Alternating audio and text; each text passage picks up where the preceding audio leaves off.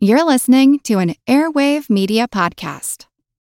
Support for this podcast and the following message come from Corient. Corient provides wealth management services centered around you. They focus on exceeding your expectations and simplifying your life. Corient has been helping high achievers just like you enjoy their lives more fully, preserve their wealth, and provide for the people, causes, and communities they care about. As one of the largest integrated fee only registered investment advisors in the U.S., Corient has deeply experienced teams in 23 strategic locations. Corient has extensive knowledge spanning the full spectrum of planning, investing, lending, and money management disciplines. Leverage Corient's exclusive network of experts to craft custom solutions designed to help you reach your financial goals, no matter how complex they may be. Real wealth requires real solutions. For more information, connect with a wealth advisor today at corient.com. That's C O R I E N T.com. Corient.com.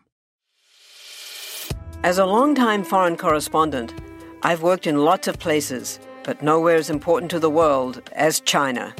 I'm Jane Perlez, former Beijing bureau chief for the New York Times.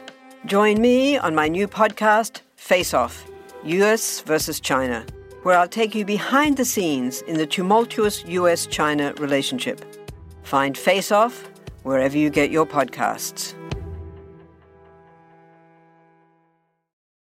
This is Kick Ass News. I'm Ben Mathis.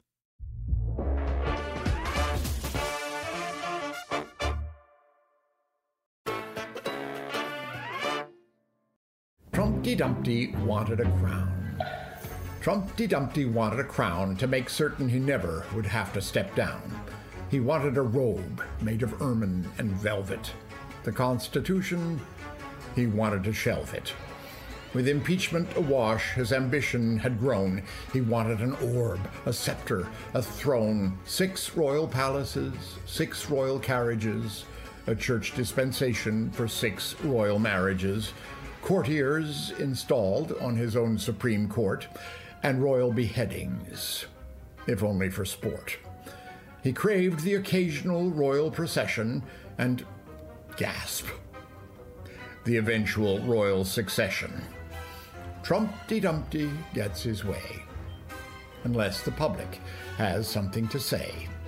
If we let him have all of his favorite things, we'll have to endure the divine right of kings. That was John Lithgow reading the title poem from his new book, Trumpty Dumpty Wanted a Crown Verses from a Despotic Age. It's a sequel to his first book of poems, Dumpty The Age of Trump in Verse, which became a New York Times bestseller and the perfect vehicle for the erudite star of film, television, and stage to take down Donald Trump and his cronies through witty rhyme and verse. And today I'm happy to welcome John Lithgow on the podcast to share some of his favorite poems from the book, why he's generally avoided politics in public, and how a performance of Gilbert and Sullivan's most famous song inspired him to find his political voice through poetry. He reveals that he originally wanted to go into art instead of acting, how his poetry books have returned him to his childhood love of drawing, and why the motley cast of characters around Donald Trump serve as an endless inspiration for his humorous illustrations. We also discuss his magnificent turns as Roger Ailes and Winston Churchill, as well as in HBO's new series Perry Mason, how this classically trained actor was convinced to play an alien on the hit sitcom Third Rock from the Sun, and how Twilight Zone the movie has made him every flight attendant's favorite star. On the lighter side, we talk about his series of books and albums for children and on the darker side, we get into his poem about the president's deadly mishandling of the coronavirus nightmare. Plus, whether or not he might one day want to play Trumpty Dumpty himself. Coming up with the delightful John Lithgow in just a moment.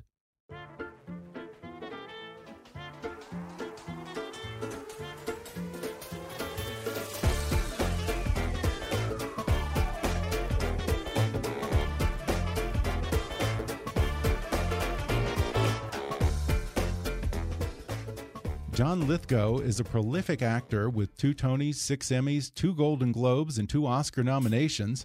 He has starred in the hit series Third Rock from the Sun, Dexter, The Crown, and most recently in HBO's Perry Mason, as well as in critically acclaimed films such as The World According to Garp, Terms of Endearment, Bombshell, and Late Night. Lithgow has appeared on Broadway 25 times and in England with both the Royal Shakespeare Company and the National Theatre. He's written nine children's books, and his recordings for kids have earned him four Grammy nominations. Dumpty, his book of politically charged poetry, was a New York Times bestseller, and now he's following it up with Trumpty Dumpty Wanted a Crown Verses for a Despotic Age. And he's also getting close to eclipsing Tyler Perry for on screen appearances in a fat suit. John Lithgow, welcome to the podcast. Thank you. I feel welcome. This is great. Well, first, I got to tell you, I really loved you and Perry Mason. What a great oh, performance oh, you gave. Thank you. Thank you so much. What, what is, how sad that I only got to be in four episodes. It was a, it was a wonderful gig. Really? Just was it only four of those episodes? Because you, you made a big yeah. impact, if so. Wow. Now, well, you didn't have to I, wear any padding they, they, for that, right? The, no, no, no padding. No only my own padding. nice. uh, and they, I, I made a big impact because that's what they hired me. For. Yeah. So it, it, was great, but it wasn't anything that I expected because you know I'm not old enough to remember the old series, but I'm old enough to remember the Perry Mason specials that they did back in the '80s. And I, I suppose yeah. that for a lot of people now, they're probably coming to this with fresh eyes because they don't have any memory of the old Raymond Burr series. Yeah. But the people, for the people who do remember Perry Mason and grew up with it, it was almost the intention of uh, Rollin Jones and Ron Fitzgerald, these great writers, and Tim Van Patten, who executive produced it, to just uh, transgress everybody's expectations, mm. make it as diff- almost as different as possible. Uh, although it's much more loyal to the original uh, writing of Erle Stanley Gardner. He said all right. these stories in in sort of crime noir, 1930s Los Angeles. So yeah, yeah, that must has, be fun to do 30s LA oh, noir and all those great uh, locations around town. Yes, yeah. I finally, I finally got to see my city. You know, yeah. they had, they had, they had to work hard to find great big locations where, mm-hmm. uh, where it looks like 1931. Yeah, and I also have to tell you that I just discovered your children's albums. Our daughter is only seven oh, months old, but uh, you know she, ah. she, might be a little young for this. But Daddy loves it because these these are my people. Yeah, I, I get. I'm like a Jesuit. I get them while they're young. Yeah, you know? I, I love it because I'm not big on Twinkle Twinkle Little Star and that sort of thing. These are the exactly yeah. the kind of songs that I sing to her at night. I sing the classics from the Great oh, American great. Songbook, quirky little yeah. tunes from the 20s, you know, swinging on a star I'm, and all that. Yeah. I'm delighted to hear this. I haven't really been doing much singing for kids in the last few years, but there was about a 10 year period there where I was doing it a lot and singing uh, full concerts at Carnegie Hall with big orchestras. Wow. Uh, it was it was floating under the radar, you know. Uh, I, I, was the only people who knew about this were five year old children and their parents. and all of them have outgrown me and forgotten all about it. So it's just wonderful to hear me to hear from you that someone's listening to my album. Yeah, that is particularly that first one, yeah. singing in the bathtub. It's just a great all this all those great old Tin Pan Alley songs mm-hmm. retooled for children. Oh yeah, yeah. and great. she's a big Jimmy Durante fan, so you know she really yeah. loves the yeah. Inka Dinka Doo. yeah, yeah, that's right. I yeah. actually sang a Jimmy Durante song.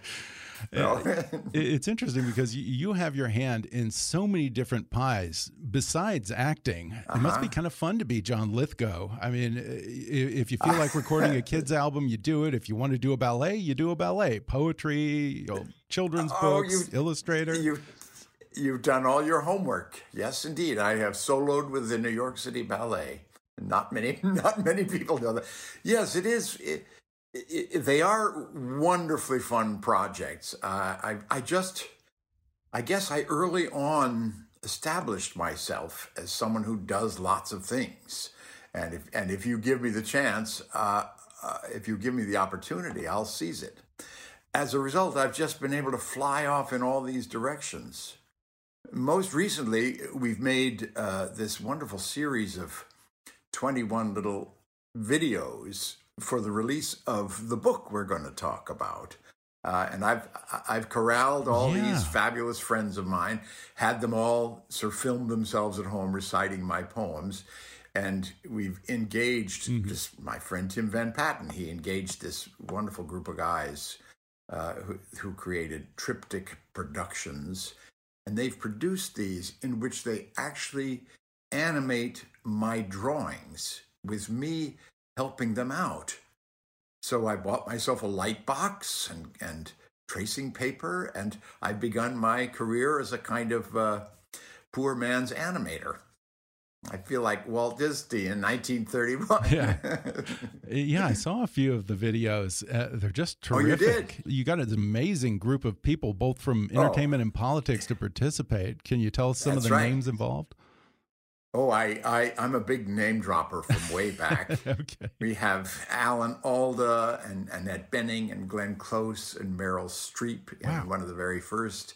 But then Samuel Jackson and Whoopi Goldberg and Steve Buscemi and Edie Falco and Joseph Gordon-Levitt and myself, and uh, and then we sprinkled in Senator Jon Tester, the epidemiologist Laurie Garrett, James Carville, Oh, wonderful. and even and even the Lincoln Project's Steve Schmidt. Oh, yeah. Just yeah, to know, just, just to give a real snap of politics to it, yeah. uh, as if as if it weren't political yeah. enough. Uh, Now, did they mostly do it as a favor to you as a friend or because they were political and they wanted to speak out against Trump? Or a little bit of both? I think it was. I, I think it was a little bit of both. Mm-hmm. Uh, n- not all of them were friends of mine. I've never even met James Carville, and he Okay. said yes in a in a heartbeat. and he's hilarious, absolutely wonderful in them. Yes. uh, and I, I- I think it's kind of like what we were just talking about. It was such an unlikely thing to be asked to do. They just thought, well, sure, why not? Mm-hmm. Uh, Te- Tester had to run the idea by the Senate Ethics Committee Oh, which I thought, which I thought was just delightful. but they said, "Yeah, sure, fine." I mean, there, there's plenty, plenty of unethical behavior these days. This Yeah. hardly rates. For sure. Yeah, you, you do so many different types of projects, and you you really do cross generations from the children's book on up. Uh, I imagine that every generation has a different reference for you as well. You know, the kids know your songs. My parents' generation probably thinks of terms of endearment, and for me particularly, Yeah. I think the first movie I remember you from was the Twilight Zone movie, and uh, what was it, Nightmare at Twenty Thousand Feet? Huh? yes, my pride and joy. It's made me the patron saint for for flight attendants. I wish I I wish I had a nickel for every Twilight Zone joke they've told me. Oh, really? so, I saw it when I was still a kid, and I, I still got chills for years whenever I would sit over the wing of a plane. sure, sure. We're directed by none other than George Miller, right, right. right back back in his uh, Road Warrior Yeah. days. It must be fun to hear what performances stand out with your fans. What do you get the most? Third Rock or what? I would say probably it, usually depends on what I've done recently. I, I mean, we actors we're accustomed to this. Everything we do has a, a sell by date. Uh, it, it it has traditionally been Third Rock from the Sun because Okay. that was six years of you know uh, uh, sitcom in your living room. Uh, but recently it's been uh, The Crown, Winston Churchill in The Crown, and Roger Ailes in Bombshell, uh, and and Perry Mason. You know, stuff that's just happened and is right in the front of people's minds. But it's wonderful to hear something like when you said about my kids' albums, uh, uh, or or someone telling me that they loved me in Don Quixote, a film I Oh, yeah. did for TNT way back in 1999. Yeah, I remember that. 1999. Well, almost nobody does. Oh, Uh, really? so it's it's nice when it just sort of pops out of the blue. Yeah, so many great performances. I don't know. You just have to get used to the fact that what you do is written on water. I- Eventually, it'll be forgotten. I remember a day working on Third Rock where we were all talking about uh, old movies and we do- dropped the name Cary Grant. And Joey Gordon Levitt, at age 15, said, uh, Who is Cary Grant? and all of us, like our hearts just sank. It's like it all gets forgotten. Yeah, not by me. I remember a lot, not just the big ones, Well. but the the smaller ones, like when you did uh, FDR in the miniseries and stuff like that. Oh my God! Now that I haven't heard for Yeah. a long time. Yeah, you were a great FDR, and and I was a big Thank fan you. of Third Rock. But I'll tell you, the thing that I always wanted to know is. What was your initial reaction when I guess it would have been Marcy Carsey and Tom Warner pitched that to you? Here you are, a guy who studied Yeah. at Harvard and the London Academy, does Shakespeare. Yeah. You know, this show about Yeah. a family of aliens. What was that initial reaction?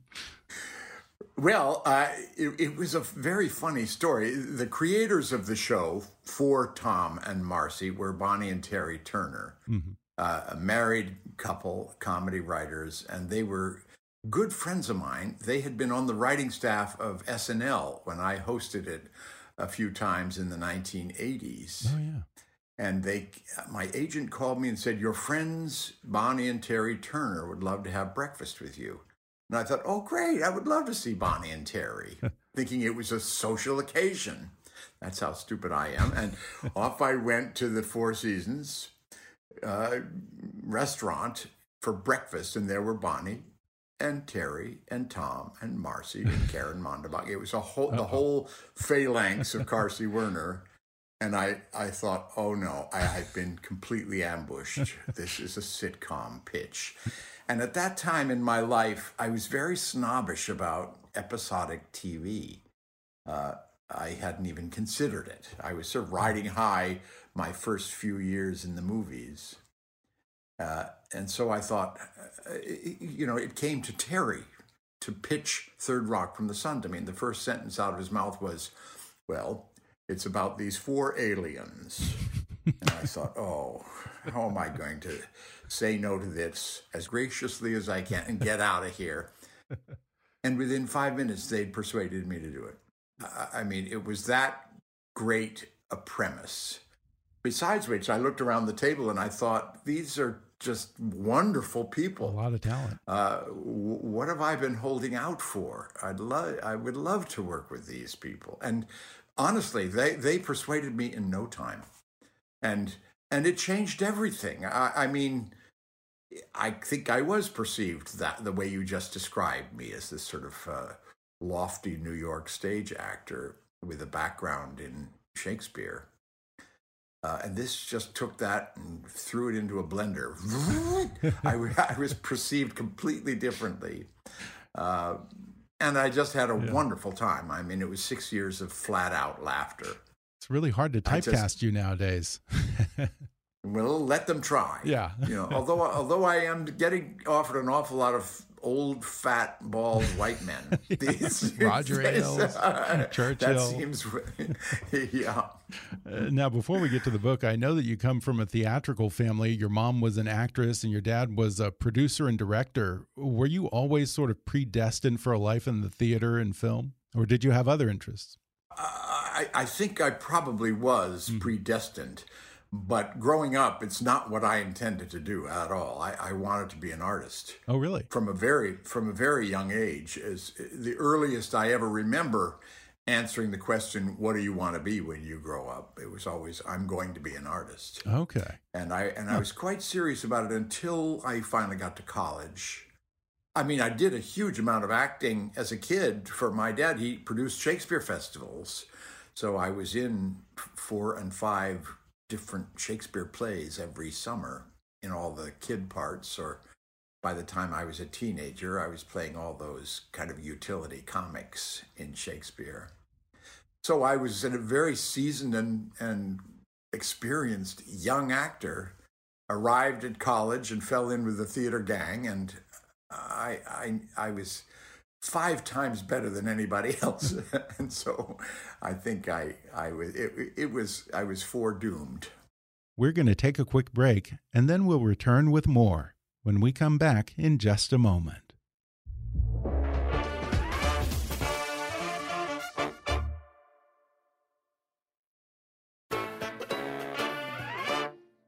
Well, things have sort of come full circle, I guess, because with this new book and the previous book, Dumpty, you do both the poetry and the illustrations. And I want to remind yeah. people the title it's Trumpty Dumpty Wanted a Crown Verses for a Despotic Age. I have it right here. Okay. Funny you should mention. Great so, illustration. Yes, you see, I you see, I've done book tours before. I, I have to tell you, I love the title because it does seem like he's growing more despotic by the day. I, I actually find I myself longing for the days when I was just outraged that he wanted to hang out with dictators, but yes. now, oy. isn't it amazing? I I mean, I I thought of the first poem, and that's where the uh, where the title came from uh, and I did think that was a great thread to go through the book, but I had no idea mm-hmm. how pre- how perfect that title would be.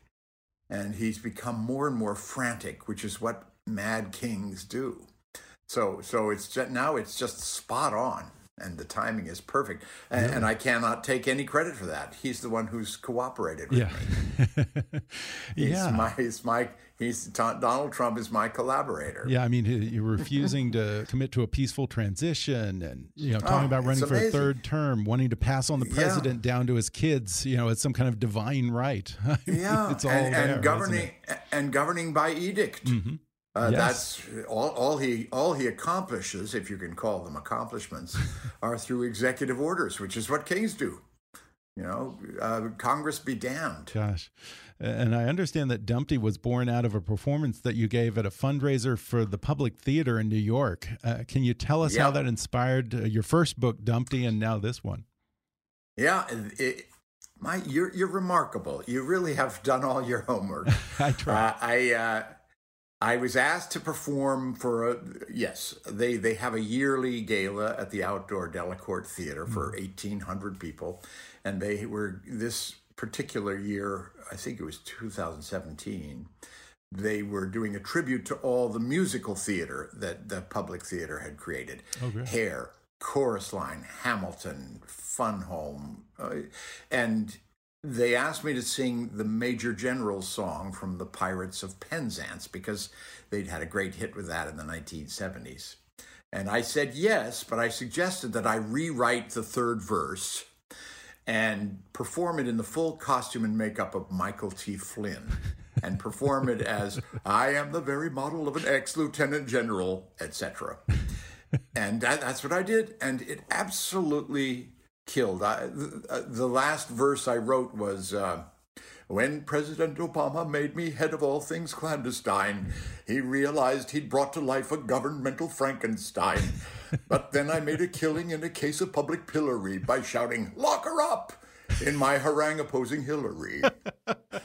then I became the National Security Advisory until I let the crafty Russian Secret Service hire me. now I become the target of a special counsel crime report, a fate I share with Donald Jr. and with Manafort. that is brilliant. and it went on like that. And it absolutely stopped the show. It's like uh, it was the, it was the, the only flat out comedy bit and I mean, I just listened to the audience roar with laughter. And this was in the sixth month of the Donald Trump presidency. And Michael Flynn had screwed the pooch in the first week, you know. So yeah. it's it's like everybody was just waiting for a political statement, and it was, of course, it was a New York liberal yeah. crowd, the the public theater gang. Now that's all backstory. It was a year later when my literary agent, a wonderful agent named David Kuhn, he sat me down and he said, Okay, I've been your agent for three years now and you haven't written a thing. You've got to write a book. And we thrashed around for ideas. And in the course of that conversation, I said, Well, wait a minute. I did, I did write this verse and I sang what I just sang to you. and it's like the sun, he, he was like an orchid opening up in the sun as he listened to this. He had, he literally said, "There's your book," and that and that was the the birth of Dumpty. Wow. You know, it, it, had never occurred to me to write political satire. I've never yeah. been that overtly political. Uh, I mean, I have strong political convictions, which I tend to keep to myself. But this was the perfect way to sort of go public. Here again, I give all credit to Donald Trump. His his behavior and his governance have sort of yanked me into the public arena. Yeah. Uh, and but I'm an entertainer. What better way to express my outrage than by entertaining people? Absolutely. So that's, so that's the essence of the book. Yeah. I have to give you credit. You're a better man than me because I have tried a million times to sing the Major General's song and to sing it at an appropriately fast tempo because otherwise, yeah. what's the point? And I yes, always get right. tripped up at binomial theorem for some yes. reason. Oh, you are good. You are good. I'm not though. I can't make it for the first verse. Uh, yeah, or, or or that crazy rhyme about Sataji. There yeah. never was a general who could, could Sataji. Uh, Gilbert and Sullivan. They're they're beyond all of us. Yes, truly. Uh, right. Now, did you ever have any trepidation when you first set out to write a book of poetry about Donald Trump? You mentioned that you weren't a particularly political guy until now. Well, I wanted to be strategic and ingenious. Mm -hmm. uh, I mean, I wanted it to be something completely original. My first impulse, first of all, I thought that, like the Major General song, I would do parody versions of standard songs, mm -hmm. kind of in the mode of Randy Rainbow, something that he does completely brilliantly. Uh, but I, I sort of ran out of gas out of after the third or fourth try and I felt like I was kind of repeating the joke.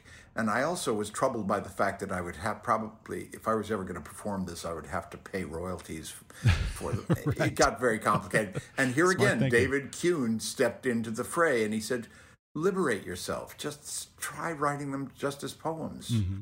Uh, and there again, that was the beginning of it all. I mean, it, it only sort of occurred to me later that my whole life I've been writing poems. Really? Uh, uh, sort of occasional sassy verses, like at the end, uh, like at the, the the closing night cast party of a Broadway play, a poem in which I would rhyme everybody's name. Or I've given two prep school commencement speeches where there was a graduating class of 30 or 40 kids. And I did rhyming a, a, rhyme, a rhyming poem in which I used the name of every one of the kids. and phoned and phoned the wow. college dean just a week before so that everything I wrote was very very current. All these little scandals attached to each student, and these were such successes. That and the fact that I've written nine rhyming children's mm-hmm. books. Mm-hmm. I mean, right. I, I guess I had much more of a background than I realized as a doggerel poet. Mm-hmm. And I grew up in a house where Lewis Carroll, Edward Lear, uh, all, all of these wonderful uh, A. A. Milne, the poems for kids, a lot of them out of England, that my folks would read to me. It, and interestingly, uh, an, an old friend of my older sister, whom I had known when I was a kid, although she was my sister's best friend, she sent me a little uh, Xerox of her autograph book from 1955, huh. where my sister had signed with a little message. And I signed too. 1955 means that I was nine years old. And I wrote, Dear Jessica, Cokes in bottles, jellies in jars. Faces like yours come from Mars. Love John Lithgow. so perhaps that was the very beginning yeah. of my career as a poet. yeah. I'd long since forgotten this, of course. and I love that many of these are fresh takes on well known nursery rhymes. I found that so perfectly yeah. fitting because so many of the classic Mother Goose rhymes began as political satire with some kind of political yeah. message, like "Mary, Mary, quite contrary" is all about uh, Queen Mary the First restoring Roman Catholicism to England, or yeah. Baa Baa Black Sheep yeah. is protesting wool taxes. You're part of wow, a grand tradition you, here, aren't you? You know a lot more than I. There's a book in you, sir. I hope so. But, well, you set me up with yes, your agent but, when I come up with it. Then, well, particularly in the first book, where I sort of tapped out all my my the sources for parody. Mm-hmm. I wrote a an Owl and the Pussycat poem about Trump and, and Kim Jong Un. I wrote The Walrus and the Carpenter about John Bolton and Vladimir Putin. I wrote Rub a Dub Dub, Three Men in a Tub, about all the medical men, uh, Bornstein, Ronnie Jackson, and Tom Price. Uh, but I sort of tapped those out. The only ones left in the second book are three uh, sort of trilogy of, uh, of Trumpty Dumpty poems. Mm -hmm. And it's so fitting to mock this administration with wit and rhyme because what little humor that Donald Trump has is so crude and so base. He has the yeah, vocabulary absolutely. of a three year old at best. Uh, he couldn't tell a joke yeah. to save his life. I have to think most yeah. of these would go right over his head, wouldn't they? Yeah, although it's a it's a sad truism that uh, you have to always consider the audience. Mm -hmm. Trump gets a much much bigger response for his crude buffoonery in right. his uh, in his rallies than I will ever get on a right. Broadway stage.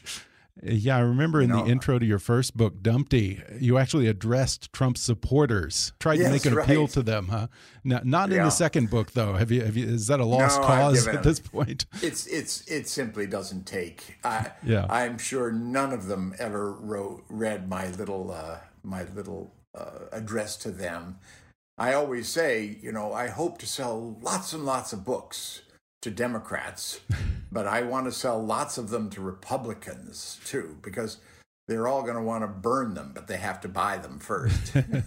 so, uh, on the other hand, you know, I try to be, I try to be, I, I, I do have a little section of heroes, which include plenty of Republicans. Uh, I do. Uh, almost in spite of myself, I do believe I write with a certain empathy for Donald Trump himself. If you read some of those poems, there's a poem in the first book called Seven Days in November about the appalling week following his losses in the 2018 midterm, in which right. he behaved so weirdly. That was when he refused to go to that memorial service in France mm-hmm. because it was raining and he was worried about his hair. And it's all mocking him, of course, and taking him down to the best of my ability, but it also pities him. I mean, I do believe he's a completely pitiable figure. Mm-hmm. Uh, uh, and, you know, as an actor, I'm just very interested in that side of villains what is what is sad and insecure about them. I'm I'm I'm in the empathy business. Yeah, yeah. You know, I had uh, David Cay Johnston on a couple of times, who's written several books about Trump and followed him for the New York mm -hmm. Times for thirty years. And he, I remember he said to me, "Be glad you're not Donald Trump because oh. he is a miserable, miserable human being." And I believe oh, it. Absolutely, he's not yeah. happy. And and his behavior these days is out of pure terror yes. of not being president because when he's not being president he's completely unprotected and right. he's going to be he's going to be so punished by a whole life of appalling behavior and crime right uh, and saying it makes it so easy to see why he will try absolutely anything including suborning an, an entire election mm-hmm. something that no one has ever dreamed a president an incumbent president would ever dare to do yeah yeah, just like Putin but or any other dictator, it's that same fear. Yeah. Once you're out of power, you're vulnerable. such a mm. such a panic. It's uh, it's what Winston Churchill said about riding the tiger. Uh, you know, don't get off. Yeah. you can ride a tiger, but do not climb off. Which is kind of, yeah. as you know, in in my book, there's a there's a tiger. There's a riding the tiger allegory in a, in a long, long poem about the Republican Party. Yeah, and I appreciate that you don't just focus on Donald Trump, but you also write about this vast, bizarre rogues gallery around him. And some of these guys are straight out of central casting, to borrow Trump's favorite line. you got Roger yeah. Stone, who's like a Dick Tracy villain. Manafort, you know, he's such a dandy that even Trump used to call him Thurston Howell the Third. That must make yeah. it a lot of fun for a poet, but especially as an illustrator. Well, I was going to mention this earlier uh, that when I set out to write them, I was not going to write about Trump at all. Oh. I was going to leave him out and just write about the crazy people in his orbit. One reason was I thought that was kind of a cool strategy for getting at Trump through other people. But I also thought it was the ultimate insult to Donald Trump to leave him out. Absolutely. But but as I proceeded, these events kept happening, which you just absolutely had to address, mm-hmm. like like the uh, the whole uh, grave, the cemetery in France. You, you, just couldn't not write about that, mm-hmm. and you can't write about that without writing about Trump. At which point, it became half about Trump and half about all the satellites in his orbit. Mm-hmm.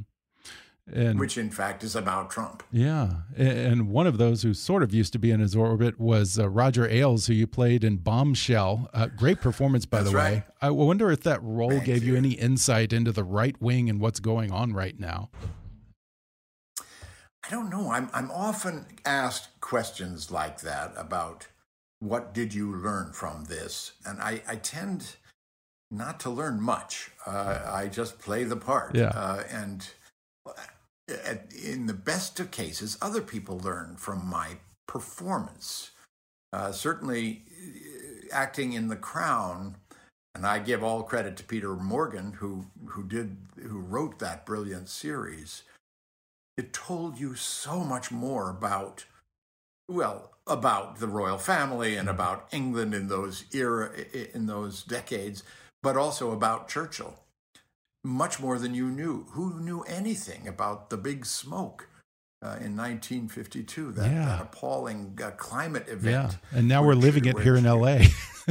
yeah, uh, and, and it's that's the other thing about my book. Every one of my sassy poems, you can read the poem, and you may not even be familiar about the subject of the poem, like who really knows who John McEntee is or or Jim Jordan, unless or you're Elliott Broidy, or Elliott Broidy, or, yeah. uh, or or or Ronnie Jackson. Yeah. In every case, I write the poem, but it's accompanied by a very deadpan little paragraph of information, mm-hmm. which simply informs people and reminds people. I mean, to me, the the yeah. power of these books, if they have any power and impact, it's just the uh, the the uh, conflation of all these different people, putting them all in a single book, mm-hmm. a single very short book where you read through and you're so struck by how many scoundrels there are in this administration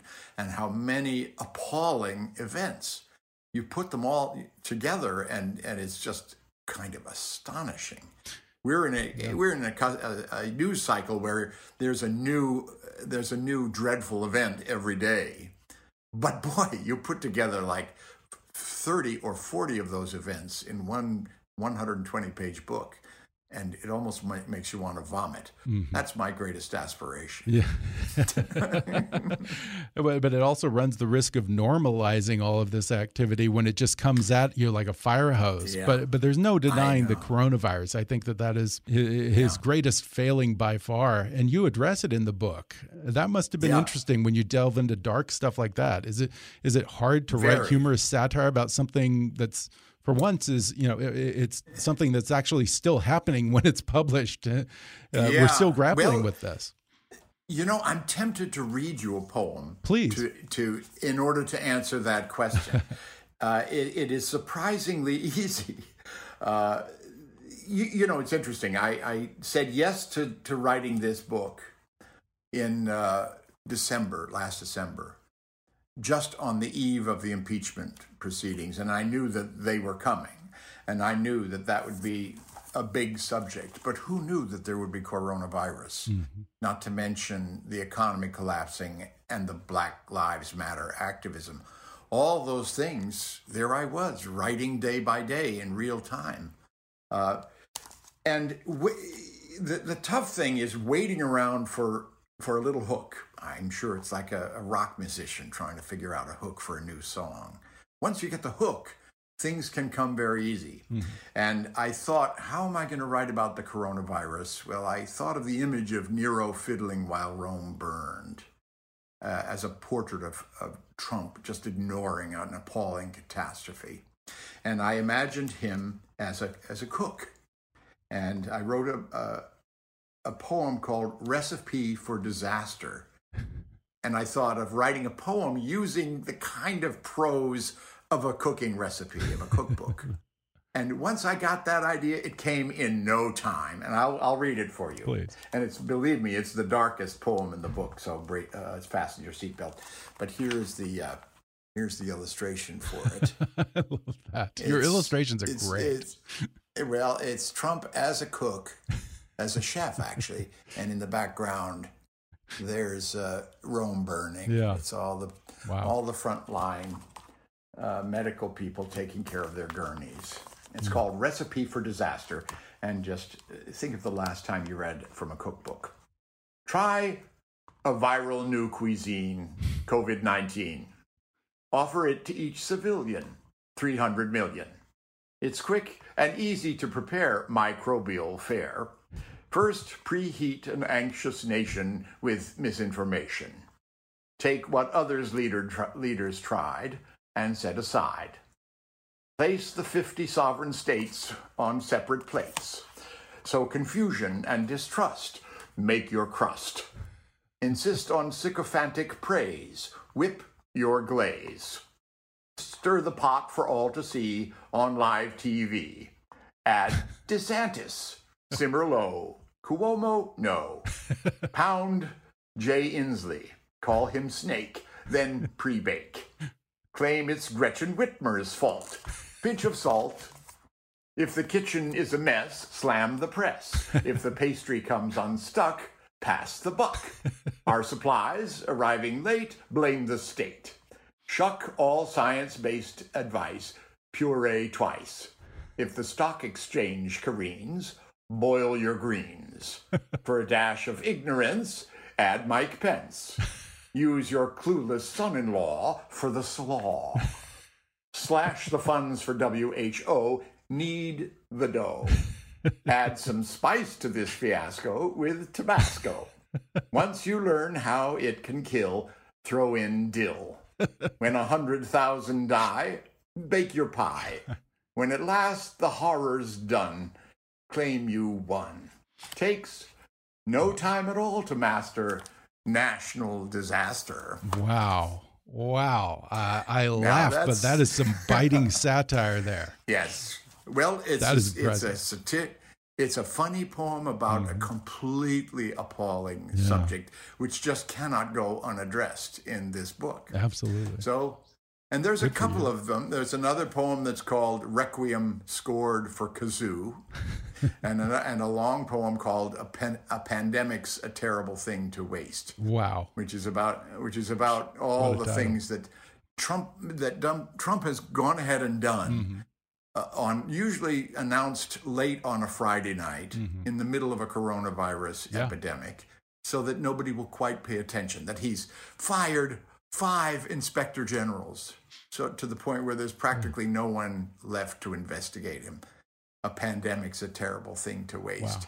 Now that's a that's a funny poem, but it's as dark as it gets. It boggles the mind, absolutely. Uh, now, I, I'm curious have you heard from any of the subjects of your poems, maybe even by six degrees of separation or something?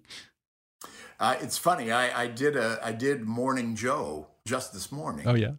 And and just before they signed off, I said, "Oh, by the way, I nine." It was uh, Willie Geist was interviewing me, but I said, "By the way, I name checked Joe Scarborough in Oh, one right. of the poems." Right, yes. Uh, did you that. see this? Yes, And. Joe, Joe, who was off was. camera, completely freaked out. And I said, "Don't worry, Joe, you come off fine."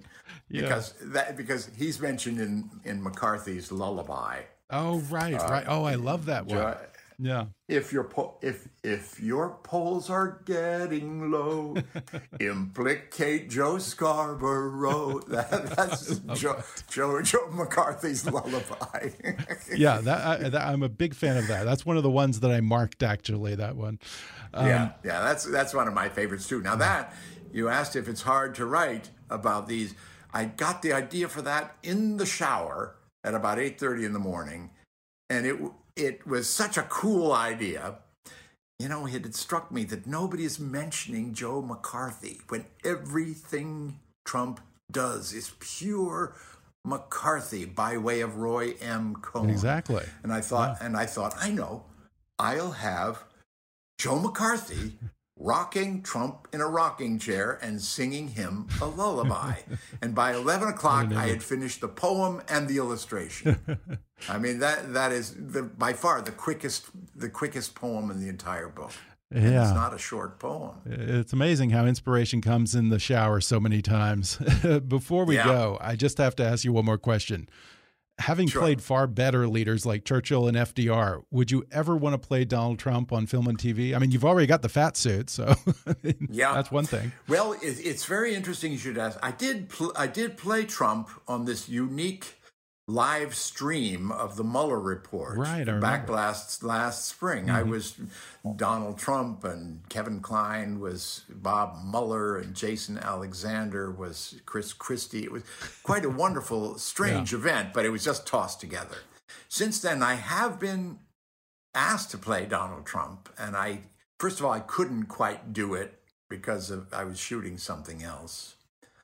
But but I tried I try to do everything, but I can't. Yeah, not enough time in the day for sure. But man, you sure do crowd a lot in Yeah, there. yeah.